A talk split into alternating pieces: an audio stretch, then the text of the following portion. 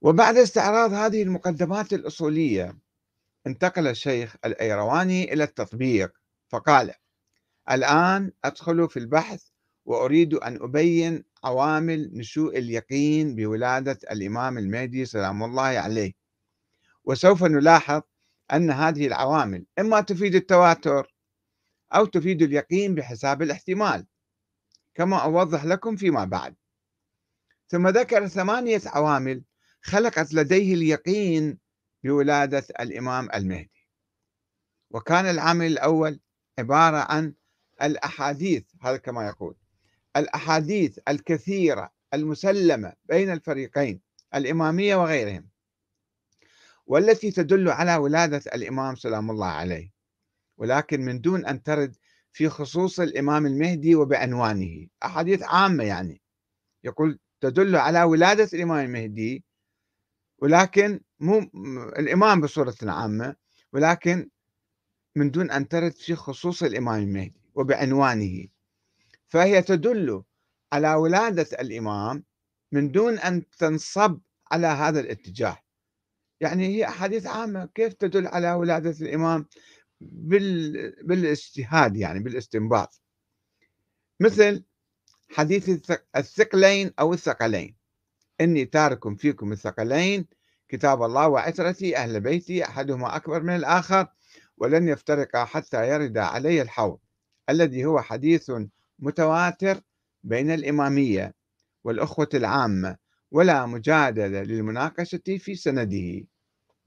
وهذا أيضا مو صحيح وسوف أثبت ذلك حسب علمائنا السابقين الشيخ المفيد يروي روايات عديدة حول حديث الثقلين أو العترة وما يسمى حديث العترة أيضا ولا يذكر هذا الحديث اللي جابه. هذا أصلا حديث مو معلوم سند شنو ولا ولا ثابت ولا مؤكد. ولكن هو يصادر. يعني لم يبحث في هذا الموضوع يبدو عليه. مجرد أن هذا خلص هذا حديث متواتر وبعد ما يحتاج نناقش فيه. لا ليس متواترا وتجب المناقشة فيه لأنه في صيغ عديدة وما فيها ذكر العترة أيضا. الشيعة يروها الشيخ المفيد في كتبه وقد تحدثت عنها يوم أمس أيضا. المهم خلينا نمشي معاه الآن. يقول هذا حديث الثقلين أو الثقلين. يقول وهذا يدل على أن العترة الطاهرة مستمرة مع الكتاب الكريم. وهذا الاستمرار لا يمكن توجيهه إلا بافتراض أن الإمام المهدي عليه السلام قد ولد ولكنه غائب عن الأعين. إذ لو, إذ لو لم يكن مولودا وسوف يولد في المستقبل. لافترق الكتاب عن العترة الطاهرة. وهذا تكذيب أستغفر الله للنبي. فهو يقول ولن يفترق حتى يرد علي الحوض. هذا هذا لازمه أن العترة لها استمرار وبقاء مع الكتاب إلى أن يرد على النبي صلى الله عليه وآله وسلم. وهذا لا يمكن توجيهه إلا بما قلت إن الإمام المهدي سلام الله عليه قد ولد ولكنه غائب وإلا يلزم الأخبار أو الإخبار على خلاف الواقع.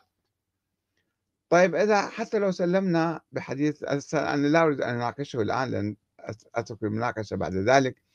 ولكن آه، خلينا نفترض واحد آخر مو ابن الحسن العسكري خلينا نفترض الخط الإسماعيلي. هم عندهم أئمة مستمرين. فلماذا نفترض ولادة محمد بن الحسن العسكري؟ خلينا نفترض إمام آخر. فشنو المشكلة في ذلك؟ ولكن هو يعني مقلد حقيقة مسبقا أن هم هذا الخط صحيح. هذه السلالة العلوية الحسينية الموسوية هي المقصود بالعثرة وبالتالي هي التي يعني يجب أن نفترض وجود ولد العسكري. وإلا الحديث يصبح متناقض أو كاذب أو مو صحيح وبالتالي راح نكذب النبي. استغفر الله ربي وأتوب إليك. لا ما في ضرورة. يعني أنت في مسلمات قاعد تفترضها من البداية. تفترض أنه النص على الأئمة هؤلاء الاثني عشر مثلا. الأسرة هي معنى العشيرة. وما شاء الله مئات الملايين من العشيرة موجودين. فلماذا تفترض هذا فلان ابن فلان؟ مجرد يعني شوفوا باني عقيدته على مسلمات تقليدية مقلد فيها هو أساسا من البداية ما باحث الموضوع. ويريد يثبت في شيء آخر جديد. ويقول بكل ثقة وبكل قوة يقول وهذا حديث واضح الدلالة يدل على ولادة الإمام سلام الله عليه. عليكم الله أنتم اقرأوا افترضوا هذا حديث صحيح. افترضوا هو حديث ليس بصحيح. وأنا ناقشته وناقشه بصورة مستقلة. حديث العترة العشيرة يعني العشيرة ما شاء الله في ذاك الزمن كانوا مئات الألوف والآن بالملايين. فكيف نستنتج من هذا الحديث ولادة إنسان نقول هو موجود ولا راح نكذب النبي؟ لا ما راح تكذب النبي حتى لو كان الحديث صحيح. ولكن في ما أعرف كيف يعني ضعف بالتفكير آه، يعني محاولة طمس الأمور والتغطية عليها بهذه الادعاءات هسه هو يعترف أيضا يقول لكن كما قلت هذا الحديث لم يرد ابتداء في الإمام المهدي يعني يتحدث النبي عن الأترة وإنما هو منصب على قضية ثانية وإنهما لن يفترقا. هاي الجملة حتى مو مو مؤكدة ولا متواترة ولا ولا صحيحة. شو معنى الافتراق يعني؟ ومن هم اللي ما يفترقون. أي أترة ما تفترق. أي شخص ما يعني كيف إحنا ربطنا الافتراق بشخص معين؟ يقول الشيخ محمد باقر الأيرواني يقول لكي لكن نستفيد منه ولادة الإمام بالدلالة الالتزامية. يعني مو صريح هذا. يقول وهذا حديث واضح الدلالة.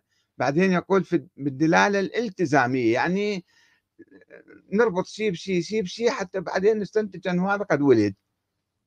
لاحظوا طريقة التفكير. مهم جدا أن نلاحظ طريقة طريقة الاجتهاد وطريقة التفكير. ثم يجي بعد شوي يقول لا تجتهدوا في هذا الموضوع هذا الموضوع لا اجتهاد في مقابل النص.